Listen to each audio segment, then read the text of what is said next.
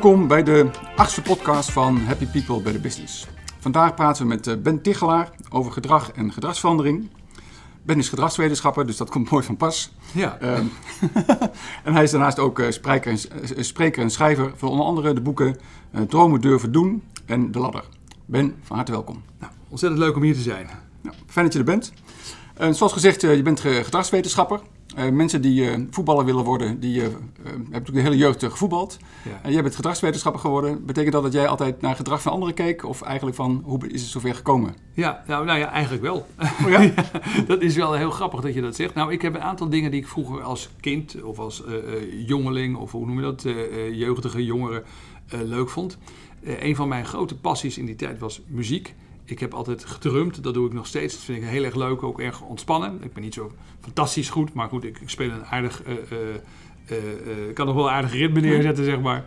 Ehm, maar ik was ook in de tijd dat ik een jaar of eh 13, 14, 15 was, was ik bezig met iets wat nu heel populair is, maar toen nog niet. Ik ben 50, dus dat praten we over begin jaren 80.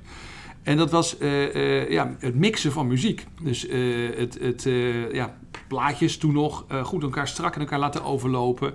Maar ook presenteren daarbij. Dus zeg maar discjockeywerk, dat vond ik geweldig. En dat deed ik eh, ehm, op een gegeven moment, vanaf mijn vijftiende, heb ik dat ook betaald gedaan. Achteraf denk ik wel eens dat mijn ouders dat goed vonden. Want ja, dan stond je inderdaad in een discotheek ergens gewoon plaatjes te draaien, dingen te presenteren. En dat is eigenlijk nog, heeft nog best wel een, nou ja, in ieder geval in de provincie, ik woon in Groningen, heb ik wel op hele leuke plekken dat werk kunnen doen eh, een aantal jaren. Maar wat ik daar zelf verschrikkelijk boeiend aan vond, en dan komen we bij het onderwerp gedrag, is dat je op een gegeven moment gewoon bijna eh, kunt voorspellen wat er precies gaat gebeuren. Dus ik kon echt, als er af en toe vrienden langskwamen, zeggen: Hey Ben, eh, ben je aan het draaien? En dan kon ik echt, op een gegeven moment kon je bijna zeggen: Nou, weet je, als we nou dit doen en dan dat doen en dan dat doen, dan zul je merken, dan gebeurt er dit in de zaal. Dus je, je, je, je hebt eigenlijk, het is heel grappig met muziek.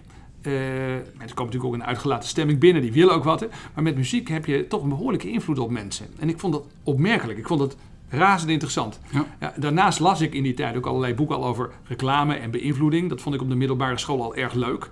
Dus ja, op een of andere gekke manier eh, kwamen dat soort sporen bij elkaar. Oh, wat leuk. Mooi. Ehm, wat vind je nou het fascinerende aan, eh, aan gedrag? Nou, dat het nog veel complexer is vaak dan je denkt. Dus je denkt eh, vaak, door, ik heb het net als met voetbal. Iedereen kijkt naar voetbal en denkt, nou ja, ik heb ook al eens een keer een bal geschopt. Dus ik- dat, dat, dat, zo moeilijk kan het niet zijn. Nee, 22 Eh, mensen en een, uh, Precies, ja. en een, en een bal. Ja, dat, is- en dat is het een beetje. En dat geldt ook natuurlijk met betrekking tot gedrag. Iedereen gedraagt zich en iedereen ziet andere mensen zich gedragen en heeft een mening over hoe dingen moeten. Dus dat hoor je ook bijna altijd in maatschappelijke discussies. Mensen zeggen, ja, ze moeten gewoon dit doen met al die criminelen. Ze moeten gewoon dat doen met al Ze moeten drugs legaliseren. Dan, nou ja, en gaan ze maar door. En het grappige is dat bijna altijd als je denkt dat het simpel is op het gebied van gedrag, dan kom je bedrogen uit. Dat geldt ook als je iets aan jezelf wilt veranderen. Of als je leiding geeft in een bedrijf en je wilt andere mensen proberen te veranderen. Dat is heel veelkleurig, complex. En als je iets hebt wat bijna lijkt te werken, is er altijd wel weer ergens een addertje onder het gras. En dat is, nou ja, dat vind ik fascinerend. En daarmee eigenlijk, van als je praat over gedrag, praat je bijna automatisch over gedragsverandering, denk ik dan, of niet? Ja, vaak, willen mensen, vaak zijn mensen geïnteresseerd in gedrag omdat ze iets willen veranderen. Daar komt het wel vaak op neer. Of je nou leiding geeft aan jezelf, zeg ik maar, eh, of leiding geeft aan anderen. Of je bent ook heel expliciet met een verandering in een organisatie bezig. Bijna altijd eh, draait het uiteindelijk om gedragsverandering. Dat geldt zelfs bij, bij eh, ja, hele eenvoudige, of eenvoudige, grote, maar ogenschijnlijk simpele maatschappelijke problemen. Zoals het feit bijvoorbeeld dat heel veel mensen in Nederland overgewicht hebben. 60% heeft overgewicht. En het grootste gedeelte daarvan, niet allemaal, maar het grootste gedeelte daarvan heeft dat te danken aan zijn eigen gedrag. Ja, dat is, dat is heel erg lastig. En, en ondanks het feit dat we dat weten, en dat weten de mensen zelf ook, en ik ben zelf ook op een gegeven moment flink te zwaar geweest, dus ik weet het ook heel erg van mezelf. Ik praat ook over mezelf hier. Ehm, ondanks het feit dat je dan weet dat het je eigen gedrag is, is het toch heel moeilijk om er iets aan te doen. En, ehm, want daar dus, heb je meteen de, voor mij de kern te pakken, want iedereen snapt het. Hè? Ook mensen die, die roken, zo'n zo'n klassiek voorbeeld. Of Ja. mensen die, eh, met overgewicht. Hoewel trouwens met roken is wel één, één probleem, daar moet je het nog altijd aan toevoegen. Dat, daar zit ook, behalve zeg maar, wat ze dan noemen in het vakgebied eh, eh, gedragsverslaving, zit er ook nog middelenverslaving bij. Ja. Dus dan wordt het Ah. nog moeilijker. Ja. Dus je bedoelt allerlei andere dingen zeg maar, in het gewone dagelijkse handelen waar we over spreken, slechte gewoontes en dergelijke. Daar kan je zeg maar, met behoorlijk wat kennis van gedragsleer nog wel wat aan doen. Maar roken of andere middelenverslaving moet je ook weten hoe het middel chemisch in de hersenen werkt. Dat is ook belangrijk. Ja, en dat geeft meteen al aan dat het ehm, wat complexer is. Ja. Dat- Het zijn altijd weer andere factoren die daarmee samenhangen. Precies. Ehm, Maar als je dus daarna kijkt naar de gedragsverandering, is zeker op dat rationele aspect, mensen snappen dat wel. En toch is het moeilijk. Ja. En um, kun je iets vertellen over wat gedragsverandering zo moeilijk maakt voor, uh, voor mensen? Nou, een, van de belangrijkste dingen die je moet weten als je kijkt naar gedrag, is dat er niet één aandrijving is. Ik zei al, het is complex. Er zijn meerdere factoren die gedrag aandrijven. En dat betekent ook dat als gedragsverandering niet lukt, dat er vaak ook meerdere oorzaken zijn. Dus dat is ook belangrijk om in de gaten te houden. Dus de aandrijvingen die vaak op dit moment door gedragswetenschappers worden onderscheiden, dat zijn uh, de motivatie van mensen, die is heel belangrijk. Dus je moet echt iets, iets echt willen. Een ander element is capaciteit. Kan ik het wel? Hè? Dus ben ik wel in staat om iets te doen? Ik wil wel een beroemde basketballer worden, maar ik ben 1,60 meter. Gaat dat dan wel lukken? Uh, of ik wil graag hoogleraar worden, maar uh, ja, ik vind studeren eigenlijk heel lastig en vervelend. Dus dat, ja, nou, ik noem maar gewoon een paar domme voorbeelden, maar mm-hmm. hè, dan snap je wel wat ik ermee bedoel. Dus capaciteit, motivatie, maar ook wat mensen zich vaak niet realiseren, de omgeving. Dus je sociale en je fysieke omgeving. Uh, dat kan ook in het bedrijf zijn waar je werkt. Dat kunnen ook de computersystemen zijn of de regels, dat hoort er allemaal bij. Maar de omgeving waarbinnen je functioneert heeft ook heel veel invloed op je gedrag. Ja, en al die drie factoren kunnen zowel bevorderend als belemmerend zijn voor gedragsverandering. En vanuit het Happiness zitten wij vooral bij, uh, bij organisaties. Uh, wij hebben minder met de consumenten van ja. doen. En, en, je gaf al aan, het is voor een deel het, het, hetzelfde. Um, waar lopen, lopen organisaties tegen andere zaken aan als, als gedragsverandering ja, plaatsvindt? Ja, wel in, in, die zin, in die zin dat uh, wat er in mensen gebeurt, dus motivatie en capaciteit, die twee dingen, dus wat kan ik en wat wil ik, dat speelt, ja, dat, dat speelt op dezelfde manier binnen het werk als thuis, alsof, uh, als bijvoorbeeld in het maatschappelijk verkeer. Dus dat, dat maakt niet zo gek veel uit. Dan zou je even simpel kunnen zeggen: mensen zijn mensen en die hebben bepaalde kenmerken. En die kenmerken die nemen ze nou eenmaal mee, of ze nou op het werk zijn of ze zijn thuis aan de slag. Dus wat kan iemand, wat wil die? Motivatie, capaciteit, ook in de werkomgeving essentieel. Maar ik zei al, die omgeving speelt ook een hele belangrijke rol. En daar hebben we natuurlijk in een werkomgeving hebben we eigenlijk voor- en nadelen. Um, uh, een belangrijk voordeel is, is dat je de werkomgeving tot op zekere hoogte mag uh, veranderen en sturen. Dus als je de baas bent in een bedrijf, uh, kun je zeggen: Nou ja, we gaan voortaan uh, besluiten halen de deuren weg. je, kunt je kunt gewoon zo bij elkaar binnenlopen. Je kunt besluiten dat mensen thuis mogen werken met elkaar, of je spreekt dat met elkaar. Of je spreekt af dat mensen op ieder geval op bepaalde dagen op het bedrijf moeten zijn. Je kunt zeggen: We komen iedere maandagochtend bij elkaar voor een soort weekstart om met elkaar door te nemen wat we gaan doen. Allemaal omgevingsinterventies die een behoorlijk krachtige invloed kunnen hebben op het gedrag van mensen. Hm. Nou, en dat, ja, dat kan je bijvoorbeeld als overheid, is dat veel moeilijker om, uh, om echt in te grijpen in de leefomgeving van mensen. Je zit gewoon op grotere afstand. En die bemoeienis wordt ook vaak uh, door de overheid, zeg maar, niet zo van, als het vanuit de overheid komt, niet zo op prijs gesteld. En zijn er misschien toch nog overeenkomsten dat uh, als het wordt opgelegd van bovenaf, dat het minder makkelijk wordt overgenomen dan als het uh, mensen zelf bedenken en mogen uitvoeren? Ja, dat is grappig. Daar zijn onderzoekers niet altijd over eens. Het hangt er ook heel erg vanaf hoe, ga, hoe dat tot stand komt. En of mensen daar bijvoorbeeld hoge verwachtingen bij hebben, dat ze veel inspraak hebben of niet.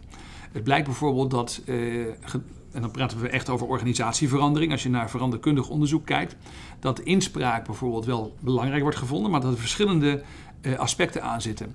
Als je hoopt dat mensen, als ze inspraak uh, krijgen en zelf met ideeën komen, dat ze dan ook emotioneel uh, positiever tegenover een verandering komen te staan, dan kom je vaak bedrogen uit. Want als je aan heel veel mensen vraagt wat ze willen en ze gaan hechten aan hun eigen input, dan zul je ook veel mensen teleurstellen. Je kunt niet iedereen tevreden stellen met veranderingen. Dus dat is vaak heel lastig. Ja. Als je het ietsje formeler houdt, iets meer rationeel. Je zegt we willen vooral je kennis hebben en om daarna uh, tot een goed besluit te komen.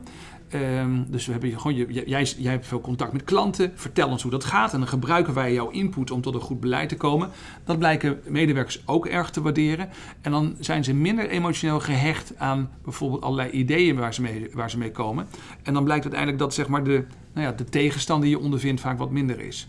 En dat vond ik ook wel een heel verrassend resultaat toen ik dat voor het eerst in een onderzoek tegenkwam. Maar eigenlijk is het ook wel logisch. Zijn er nog verschillen tussen mensen uh, over gedragsverandering? Gaat de een makkelijker met gedragsverandering om dan oh, absoluut. de ander? Ja, nee, absoluut. Als je kijkt naar bijvoorbeeld persoonlijkheidsonderzoek, dan zie je dat er uh, bijvoorbeeld een, een, een belangrijk uh, aspect van, van persoonlijkheid, een van de big five zoals het dan wordt genoemd, hè, het meest gebruikte wetenschappelijke persoonlijkheidsmodel, daar zit daar zit, um, ja, hoe, hoe, moet je dat nou even goed? De, de, de, term in het Nederlands is eigenlijk zorgvuldigheid of wordt wel gewetensvolheid genoemd. Dus dat je, dat je kritisch naar jezelf kijkt en zorgvuldig uh, uh, je taken en je werkzaamheden bijvoorbeeld doet. En die zorgvuldigheid, um, die is, dat is wel een belangrijke factor. Want uh, omdat veranderen lastig is, is het verstandig vaak om het goed voor te bereiden. Of om je eigen gedrag goed in de gaten te houden. Dus bijvoorbeeld bij te houden of je iets wel of niet doet.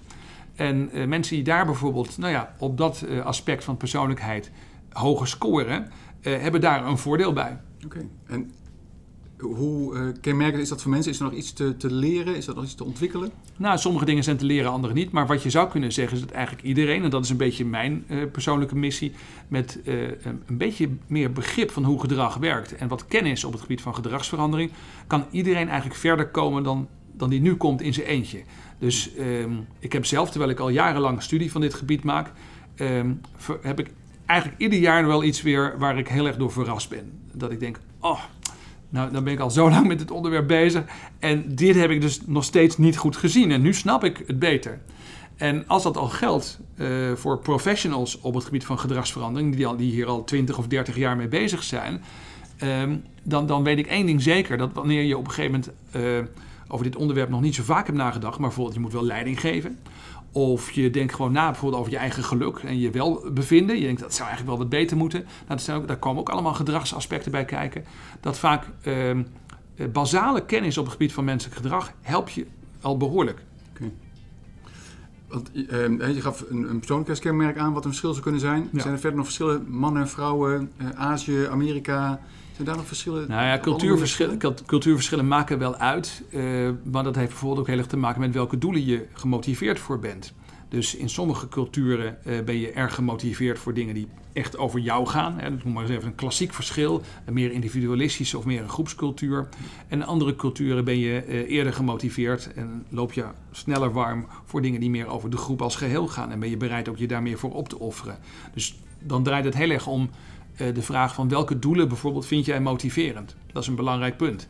Uh, en dat maakt veel uit ook, zeg maar, uh, voor je eigen verandervermogen. Want als je iets heel graag wilt of, of weet dat het echt enorm wordt gewaardeerd, ook bijvoorbeeld door je omgeving, dan geeft dat motivatie, dan geeft dat veranderkracht, zou je kunnen zeggen. Ja, oké. Okay. Ehm, je hebt eigenlijk een, mooie missie, hè? Met mensen inzicht te geven in, uh, in gedrag en gedragsverandering. Om te kijken, om ze hen te helpen om ook te veranderen. Ja, ik denk dat dat echt helpt. Dus bij de meeste belangrijke issues in onze maatschappij komt wel iets van gedragsverandering kijken. En dan gaat het niet alleen maar over mensen die dus leiding geven aan anderen. Maar het gaat ook heel erg om persoonlijk leiderschap. Dus ik, ik wil fitte en gezond zijn. Ik wil een fijne en goede relatie. Ik wil ook lekker in mijn vel zitten. En ja, vaak moet je daar iets voor doen. Ja. En ik denk mede daarom heb je ook dat boek eh, De Ladder eh, geschreven. Ja. En um, daar, even, misschien even wat kort samengevat, daar heb jij een, eh, een methode. En die gaat, bestaat eigenlijk uit drie onderdelen. Hè? Dat je, je stelt een, een doel vast, hè? wat wil je graag? Ja. Je omschrijft een gedrag uh, wat je daarbij laat zien. En je uh, formuleert een manier om je daarbij te helpen. Ja. Als we dit even aflopen. Um, het formuleren van het doel, dat lijkt me best makkelijk om dat te doen. Is dat zo? Ja, dat, dat denk je dan wel. Maar als je dan gaat kijken Um, wat dan bijvoorbeeld helpt op het gebied van doelen stellen. Wat dus zeg maar doelen zijn die echt werken bij gedragsverandering en doelen die minder scherp werken of sterk werken. Um, dan, dan blijkt het nog best wel weer ingewikkeld te zijn. Dus om een voorbeeld te geven, het helpt om je doelen scherp te formuleren. Om te weten waar je naar onderweg bent. Welk resultaat voor jou echt belangrijk is bijvoorbeeld. Dat is, dat is een bekend uh, uh, fenomeen natuurlijk. Hè. We werken vaak met smart doelen in het bedrijfsleven. Ja. Maar die helpen ook echt. Alleen de meeste mensen zijn veel te makkelijk met het formuleren van smart doelen. Die stappen daar snel overheen en, en lopen eigenlijk als het ware het rijtje af. Het moet specifiek meetbaar zijn, nou, en gaan ze maar door. Um, maar eigenlijk moet je er echt even voor gaan zitten. Het, het het is verstandig om er echt goed over na te denken. Is dit echt wat ik wil? Hoe ziet het eindresultaat er eigenlijk uit? Uh, ik hoorde laatst iemand zeggen, ik vond het wel heel mooi, dat komt volgens mij de, de wereld van Scrum en, en Agile uh, werken. Uh, wat, is, wat is je definition of done? Hè? Hoe weet je dat het klaar is? Hoe ziet ja. het er dan uit? Ja, dat is, en dat is best moeilijk. En zeker als je met meer mensen bent die samen aan een doel werkt, werken, valt mij heel vaak op, ook bijvoorbeeld in contact met opdrachtgevers die mij inhuren voor onderwijs of voor, voor, voor seminars um, dat mensen aan tafel komen, denken dat ze het eens zijn met elkaar. Dan stel je twee vragen en dan blijkt dat ze het helemaal nog niet goed doordacht hebben. Ja. Dat is echt heel boeiend. Dus dat is bij het stellen van doelen is dat een belangrijke. Er zijn wel meer dingen. Um, um, direct aan het begin is het heel goed om er rekening mee te houden dat veranderen een leerproces is. En dat ook in je doelen mee te nemen. Dus een woord als leren of een woord als ontwikkelen hoort eigenlijk uh, in veranderdoelen te zitten. Kun je daar iets meer over vertellen? Dat is natuurlijk interessant. Als je ja. dat, uh, wat het onderscheid daarin is? Nou, als je zou zeggen, um, over een jaar ben ik een inspirerende leider en dat weet ik omdat ik in mijn beoordeling van een 7,0 naar een 8,0 ben gegaan. Dat kan heel mooi zijn eh, om dat voor jezelf als doel te formuleren. Maar net een tikkeltje beter is als je zou zeggen: over een jaar heb ik geleerd wat erbij komt kijken om een inspirerende leider te zijn. En daardoor ga ik van nou ja, een 7,0 naar een 8,0. Dat lijkt heel erg op elkaar, mhm. maar door het woord leren erin op te nemen, uh, onderken je eigenlijk op een eerlijke manier. Je bent eerlijk tegen jezelf vanaf het begin dat het een leerproces zal zijn. En dat het niet een rechte lijn van A naar B is. En dat je denkt van nou, uh, just do it en dan komen we er wel. En zit er ook iets, dat proef ik een beetje uit, dat er iets is van, uh, maar ik heb het nog niet gedaan. Het is ook nieuw voor mij. Ja, ja het, is, het is hetzelfde als wanneer je een nieuw muziekinstrument zou gaan spelen. Nou speel ik drums en dat kan ik redelijk. Dan zou je zeggen, nou Weet je, uh, je kunt in ieder geval al een beetje uh, noten lezen. Ook drummers lezen noten. Ja. Ik moet het misschien even bijvertellen. uh, en je, en je, je bent al zo lang met muziek bezig. Hoe moeilijk kan het zijn om, nou ja, ik noem maar eens wat, gitaar te leren spelen? Maar ja, iedere gitarist die weet, nou, dat is behoorlijk moeilijk. Dat is een stuk moeilijker dan je zou, denkt, zou denken. En dan dat, ja... Dus dat is, dat is eigenlijk misschien wel gewoon een vergelijking. Iedereen weet dat gaat met vallen en opstaan. Je zult tegenvallers hebben. Je zult weken hebben dat je er echt helemaal geen zin in hebt om te oefenen. Maar om ergens te komen, ja, moet je stapje voor stapje trainen, oefenen, uitproberen. Uh, ja, en heel vaak zal het ook een keer misgaan onderweg. En als je dat vertaalt naar de, de, de organisatieomgeving, ik kan me ook heel goed voorstellen dat soms worden er gewoon nieuwe doelen gesteld. Ja. Oké, maar ja, dat, uh, dat, gaan we gewoon doen. Hè? Ja. Terwijl je eigenlijk niet onderkent dat het nieuw is voor organisaties. je zegt het heel goed. Het is precies, dat is precies het punt. Als je weet dat iets echt nieuw en anders is en je hebt het nog niet eerder gedaan, dan moet je dus uitgaan van een leerproces. Als je zegt, ja, dit is een routine, dit doen we elke dag, dan kan je gewoon doordat je elke dag een beetje traint en elke dag een beetje beter wordt, kun je gerust zeggen, komend jaar willen we 3% beter, volgend jaar willen we 5% beter. Dat mag gerust, maar dan, ga je, dan praat je over routines. Stap 1 ehm, was dus het doel formuleren. Ja. Ik dacht, hé, hey, dat is makkelijk. Het is toch best nog wat... Uh, ja. Je moet er beter naar kijken. Er komt allerlei kennis bij kijken, maar dit waren wel een paar belangrijke tips. Ja, uh, dat is heel mooi. Het tweede is, ik ga uh, het gedrag formuleren wat tot het doel gaat leiden. Appeltje, eitje. Want je weet precies eigenlijk wel wat je moet gaan doen. Ja, nou ja, waar het vaak al lastig wordt, is dat... Ehm, als, je, als, ehm, als ik te snel wil, soms dan moet ik voor een groep mensen spreken en dan krijg ik weinig tijd. En dan denk ik, nou, iedereen weet wel wat gedrag is, dus sla ik even over. Uh, en dan blijkt heel vaak, als je dan met mensen achteraf spreekt, dat uh, wat zij als gedrag zien, eigenlijk in mijn vakgebied, helemaal niet als gedrag wordt gezien. Ik heb het over observeerbare handelingen van mensen. Dus het gaat om waarneembare dingen. Um, dus je moet het kunnen horen of je moet het kunnen zien, om maar even heel simpel te zeggen. Dus wat ik nu doe, wat jij nu doet, gewoon praten met elkaar, dat is gedrag. Want dat is meetbaar, observeerbaar, herkenbaar. Um, maar ook uh, het motorische gedrag, dus onze bewegingen. Um, dat zijn ook uh, handelingen die waarneembaar zijn. En de combinaties daarvan, ja, nou ja, goed, daar kun je betekenisvolle dingen mee doen in een bedrijf. Er zijn ook allerlei dingen die gebeuren in je hoofd. Of zijn allerlei resultaten van gedrag. Er zijn allerlei kenmerken van mensen die ze zeg maar, op de lange termijn als het ware uh, nou ja, een beeld dat je op de lange termijn vormt over, over iemand. Maar dat is allemaal geen gedrag. Dus als ik zeg uh, hij is proactief, dan is dat geen gedrag. Dat is meer een soort brede kwalificatie. Uh, als een ondernemer zegt, ja, wat is nou eigenlijk mijn doel? Wat is mijn gedragsdoel? Ja, ik wil gewoon winst maken. Dat is ook geen gedrag. Winst is een gevolg van gedrag. Mensen zeggen heel vaak van, nou, het gedrag uh, wat ik zou willen, afvallen. Afvallen is ook geen gedrag. Je kunt niet op een stoel gaan zitten en, en het maar even gaan doen. Het is weer het resultaat van heel veel handelingen. Dus de kunst is op een gegeven moment om heel scherp te formuleren uh, wat de observeerbare handelingen zijn die jij uiteindelijk gaat uitvoeren. Wat jouw input is, zou je ook kunnen zeggen, wat ik ga doen om uiteindelijk dat doel te bereiken. Het doel is de output, maar je gedrag is de input. Ja. En dat goed uit elkaar trekken en snappen wat gedrag is en wat geen gedrag is, nou ja, dat is vaak al heel ingewikkeld voor mensen. Ja, dat herken ik ook. Ik, heb vaak meegemaakt dat er uh, sessies waren waar mensen zeggen, ja, wat jij net ook noemde, we moeten proactiever worden of we moeten klantvriendelijker worden. Ja. En dan wordt dan uh, bijna verondersteld, en dan weten we wel wat we moeten doen. Ja. En dat is dus niet zo. En um, waar heeft het volgens jou mee te maken dat mensen dat, dat soort algemeenheden maar blijven roepen en het niet doorvertalen naar concreet gedrag? Ja, het heeft ook mee te maken dat we heel, heel vaak in de sfeer van praten en theorie blijven. Dus um, uh, om nou een voorbeeld te geven. Ehm, lang voordat we in uh, het Nederlandse bedrijfsleven spraken over uh, begrippen als customer journey. Dus wat maakt nou een klant eigenlijk mee als hij met jou in contact uh, treedt. zag je bijvoorbeeld bij een organisatie als Disney. nou ja, ook met name bij de resorts en de pretparken die zij hebben dat medewerkers dat ook echt helemaal al gingen uitproberen. Hoe is dat nou als ik aankom op de luchthaven in de buurt van Disney World in Orlando bijvoorbeeld? Hoe is dat? Wat, wat, zijn de onzekerheden? Wat is vervelend? Dus echt om je heen kijken, dingen noteren, dingen opschrijven. Dus echt gewoon doen. Het doorleven. En dan kom je erachter dat mensen bijvoorbeeld heel erg onhandig vaak vinden om dan het transport naar hun hotel te vinden. Nou ja, dan moet je dus zorgen dat het heel herkenbaar wordt. En zo hebben ze op een gegeven moment besloten om uh, zelf bussen in te gaan zetten. Hele duidelijke, herkenbare bussen. Uh, die dan de klanten zeg maar, van de airport naar het hotel brengen. Dan kan je zeggen, ja, dat is inderdaad een goed idee, dat is leuk. Maar het komt eruit voor dat je dus eerst begint met kijken, observeren, uitproberen. Dus je moet in die wereld van tastbare zaken moet je duiken. En niet blijven hangen alleen maar in de wereld van woorden. Ja, dat is een mooi voorbeeld eh, van die customer journey. Want ehm, wij doen veel op het terrein van de employee journey, hè, de, de, reis van de medewerker. Ja. En dan, wat tegenwoordig veel aandacht heeft, is zeg maar, de onboarding. Hè, de, de eerste dag, eerste week, eerste maand. En dan zie je voor een deel hetzelfde terugkeren, dat mensen beter moeten leren, observeren van wat gebeurt er nou precies uh, de eerste dag. Ja. En uh, door, door beter te gaan kijken en ook te gaan vragen aan de mensen, krijg je een beter beeld van wat nou eigenlijk de, uh, het wenselijk is. Ja, nee, precies. Het is heel herkenbaar. Het is precies hetzelfde eigenlijk als het Disney-verhaal wat ja. je beschrijft. Ja. ja. Leuk. Um, nou, we, we, hebben wat aandacht besteed aan het doel. Is toch wat, uh, wat vrij, vrij wat meer tijd. Hetzelfde denk ik bij gedrag. Hè. Goed dat je, uh, um, je moet goed kijken van, hey, maar wat willen we nou precies? Wat, hoe kunnen we het voordoen dat mensen ook zien en, en ja. dat ze de andere mensen kunnen nadoen? Ja, hè? Dat, is de, de magic word. Hè. Je moet het kunnen voordoen en je moet het kunnen nadoen, anders is het geen gedrag. Ja.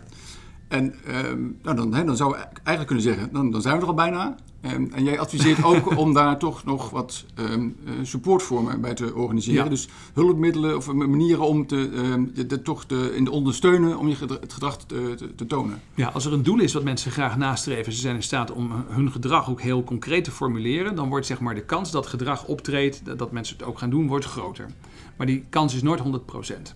Uh, dus als je kijkt naar de correlaties op dat gebied, hè, die liggen uh, uiteindelijk vaak niet zo hoog als je zou willen. En, en, een beetje scherper formuleren helpt wel. Echt heel scherp formuleren helpt ook echt. Dat wordt telkens weer wordt de correlatie met uiteindelijk echt gedrag en daarmee ook met resultaten wordt steeds groter. Maar het is nooit dat je zegt van nou. Uh, het, gaat 100% lukken. En daarom hebben we heel vaak ondersteuning nodig. En dat kunnen allerlei vormen van ondersteuning zijn. En die liggen eigenlijk een beetje in diezelfde hoek uh, ook, je zou kunnen zeggen, als, als die factoren die ik eerder al in het gesprek noemde. Dus soms heb je uh, hulp nodig omdat je de capaciteit nog niet hebt. Dus dan moet je training hebben. Soms heb je hulp nodig omdat je eigenlijk nog niet echt gemotiveerd genoeg bent. En met gemotiveerd genoeg, dat kan bijvoorbeeld ook betekenen dat je jezelf nog niet echt ziet doen. Dus iemand moet je misschien uh, ondersteunen en aanmoedigen onderweg. En zeggen, joh, maar het gaat wel goed. En, en je feedback geven onderweg. Dat is een belangrijk motivationeel aspect. En heel vaak kan het ook zijn dat de omgeving eigenlijk je niet zo makkelijk maakt als je zou willen. De omgeving belemmert je juist bij de verandering. En dat is een van de dingen waar gedragswetenschappers altijd maar weer opnieuw op moeten wijzen. Maar het is ongelooflijk belangrijk. Vooral als je een verandering in een organisatie voor elkaar wilt krijgen. Ga eens kijken, wat zijn er omgevingsfactoren? Sociale omgevingsfactoren, maar ook fysieke. Misschien ook regels, uh, informatie die ontbreekt, uh, computersystemen. wat belemmert mensen nou uh, in die verandering die we met z'n allen willen. En hoe zou je die belemmering kunnen weghalen? Hoe zou je het makkelijker kunnen maken? Het is ongelooflijk belangrijk om daar, uh, zou mijn advies zijn om daar als eerste maar eens naar te kijken. Ik vind het wel een hele mooie uh, oplossing. Want wat wij merken is bijvoorbeeld dat ehm, geformuleerd gedrag wordt soms dan niet gedaan omdat het, ja, we spreken af, we gaan eens in de week gaan we waardering aan elkaar uitspreken. Dat doen we ja. bijvoorbeeld op de, de maandagochtendvergadering. En dan wordt er al vrij snel gezegd, ja, iedere week Dus en, uh, moeten we, he, misschien moeten we maar eerst in 14 dagen doen of af en toe als we het leuk vinden. Ja. En door daar, uh, want dan zie je eigenlijk mensen een beetje afhaken om het, het, gedrag te gaan doen. En ik denk door supportvormen te organiseren, wordt het makkelijker om eigenlijk wat je gaat, toch graag wil, ja. te doen. Nou ja, om al een voorbeeld te geven. Uh, je merkt bijvoorbeeld dat wanneer mensen elkaar feedback moeten geven, dat we dat lastig vinden. En zeker om bijvoorbeeld ook een goede verhouding aan te houden tussen positieve feedback en de dingen benoemen die we, die we waarderen in mensen. En daarnaast ook af en toe bij te sturen, wat ook nodig kan zijn. Um, hoe kan je dat nou beter doen? Ja, je ziet bijvoorbeeld bij veel opleidingen waar mensen worden gecoacht onderweg, dat er een soort conversation starters worden gebruikt. Dus dat kunnen ehm, eh, een soort gesprekskaarten zijn. Dus echt uh, lijken dan een beetje op speelkaarten en er staan vragen op. Of het is een soort lijstje gewoon met goede vragen die uh, de coach of de, de begeleider zeg maar, kan gebruiken. En dat is nou typisch een omgevingsfactor. Want je gaat er dan vanuit dat het niet in die persoon zelf uh, allemaal hoeft te zitten. Want dan moet je heel veel vragen uit je hoofd leren en iedere keer weer iets creatiefs verzinnen. En dat is gewoon hartstikke moeilijk. Maar met zo'n lijstje met conversation starters kun je eigenlijk vrij eenvoudig elke keer weer een goed gesprek hebben met mensen. Um, en dan hoef je dus ook niet van die, een beetje van die, uh, uh, ja, misschien een beetje top-down klinkende afspraken te maken van elke maandagochtend zult gij drie punten van waardering noemen. Uh, nee, je zegt dan eigenlijk van nou, iedere maandagochtend doen we een korte feedbackronde. En dat doen we met onze conversation starters. En aangezien dat dan leuke dingen zijn, moet er ook een beetje leuk uitzien, leuk vormgegeven. Of misschien met filmpjes of wat je ook allemaal gebruikt. Maar dat kan mensen makkelijker maken om bijvoorbeeld waardering naar elkaar uit te spreken. Ja dat brengt me ook nog over iets uh, anders qua gedrag. Um, je hebt laatst ook gezegd van dat um, fun makes it run. Hè? Dat is, als je het ja. leuk maakt, dan is het ook makkelijker om het uh, gedrag te tonen. Maar ja, die, die, is niet van mij. Die heb ik nee, nee, een keer van jou gehoord. Ja, dat vond ik een hele mooie. fun makes it run. Ja.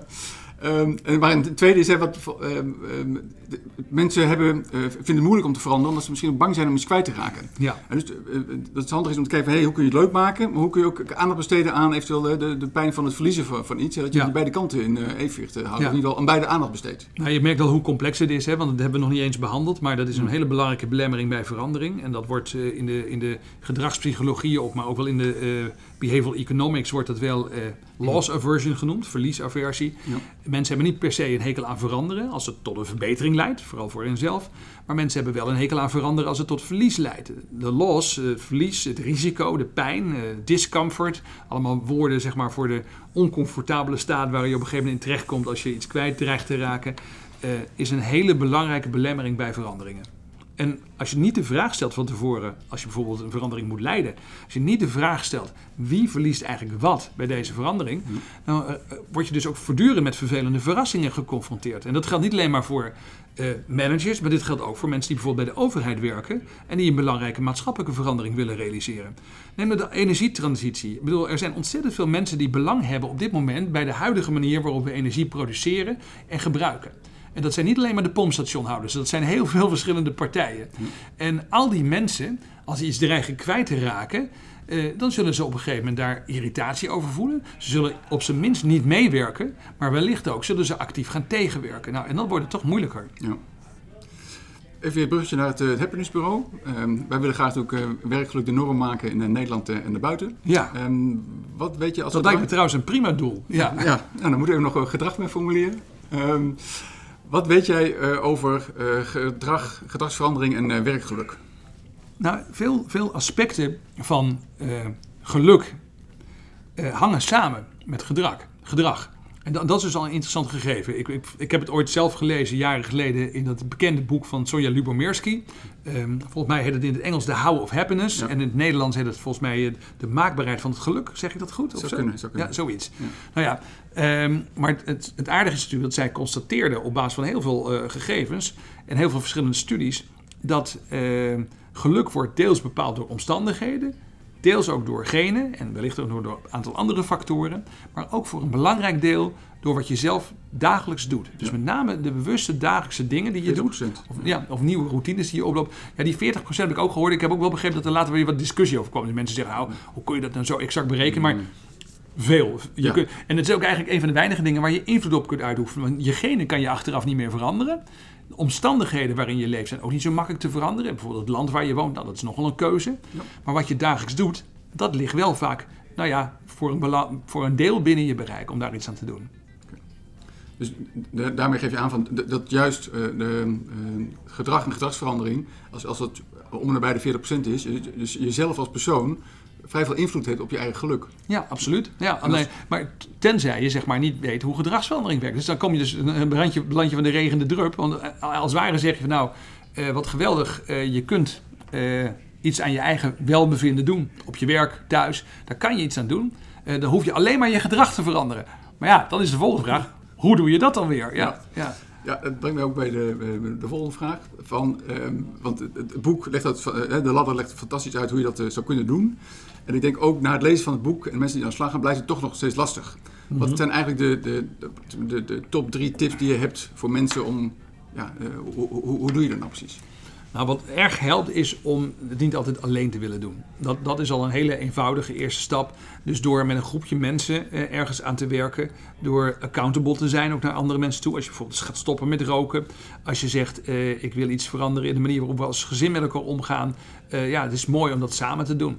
Uh, en samen daar tijd in te stoppen en daar aandacht voor te hebben en ook erin te verdiepen hoe dat werkt. Dus dat is een heel, hele, hele belangrijke stap, denk dus op, ik. op het werk van zeggen tegen je collega's of spreek het af als team om iets te gaan doen. Ja, uh, maak de groep niet te groot. Dat, dan wordt het makkelijker om je weer zeg maar, als het ware om weg te duiken. Maar een, een klein groepje mensen, mensen die elkaar ook uh, echt willen gaan helpen met, met een gedragsverandering, dat is zeker de moeite waard.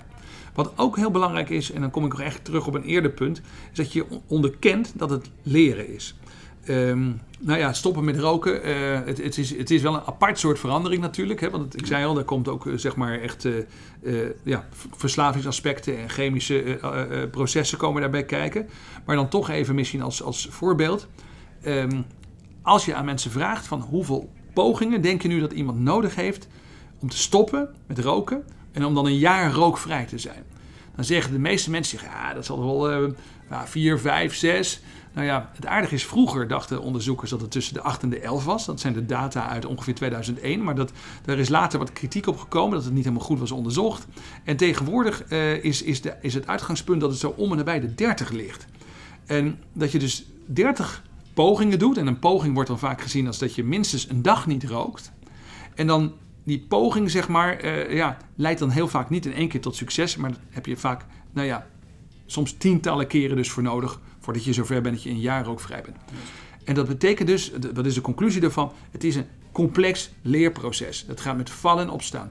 Als je dan van tevoren weet dat je meer pogingen nodig hebt dan je eigenlijk uh, uh, dan je dacht, dan ga je er ook anders in. Dan ga je sneller opnieuw nog een poging doen dan ga je, uh, ben je minder teleurgesteld in jezelf als het een keer niet lukt. En, en, dat je denkt, nou, het is toch niet voor mij weggelegd. Wat een enorme deuk voor je motivatie kan zijn. Maar je weet, dit is nou eenmaal een soort, soort berg die ik moet beklimmen. En af en toe zal ik onderweg een keer terugrollen. En ik zal struikelen. En het is moeilijk. En, uh, en dat is misschien wel het allerbelangrijkste, dat je dat je realiseert. Ja. Nee, dan weer vertaald naar de, de organisatie. Even het voorbeeld van die waardering. Dat je zegt, we gaan het met die kaartjes doen. En je komt erachter, hmm, we hebben toch iets te weinig tijd aan besteed. Of iemand was de kaartjes vergeten. Ja. Joh, weet je wat, uh, we gaan kijken hoe het volgende keer beter kan doen. En niet zeggen van, we stoppen er maar mee. Ja. Nee, we, gaan, we, zien dat het een leerproces is. We blijven maar kijken hoe dat... Of we, we gaan volgende keer kijken hoe we wel iedereen een beurt kunnen geven. Precies. Dat, soort, uh, ja, nee, dus, dat is de spijker op zijn kop. Heel vaak denken we in bedrijven, denken we wel gelukt, niet gelukt. In plaats van volgende poging, volgende poging, volgende poging. En je ziet het in de budgetten, ziet het in de tijdplanning van projecten. Dus er moet iets veranderen en het budget is toereikend voor één poging. De tijdplanning is gericht op één poging. Het commitment van de directie is gericht op één poging. Dat is echt een ongelooflijk domme fout. Juist. Wauw, mooi gezegd. Dankjewel. Um, misschien is het ook een mooi uh, slotpleidooi om gedragsverandering te blijven zien als een verandering uh, vanuit een leerdoel. En vanuit een, eh, een doel dat je met vallen en opstaan eh, kunt eh, bereiken. Hiermee zijn we ook gekomen aan het eind van deze podcast. Ben, enorm bedankt voor jouw bijdrage.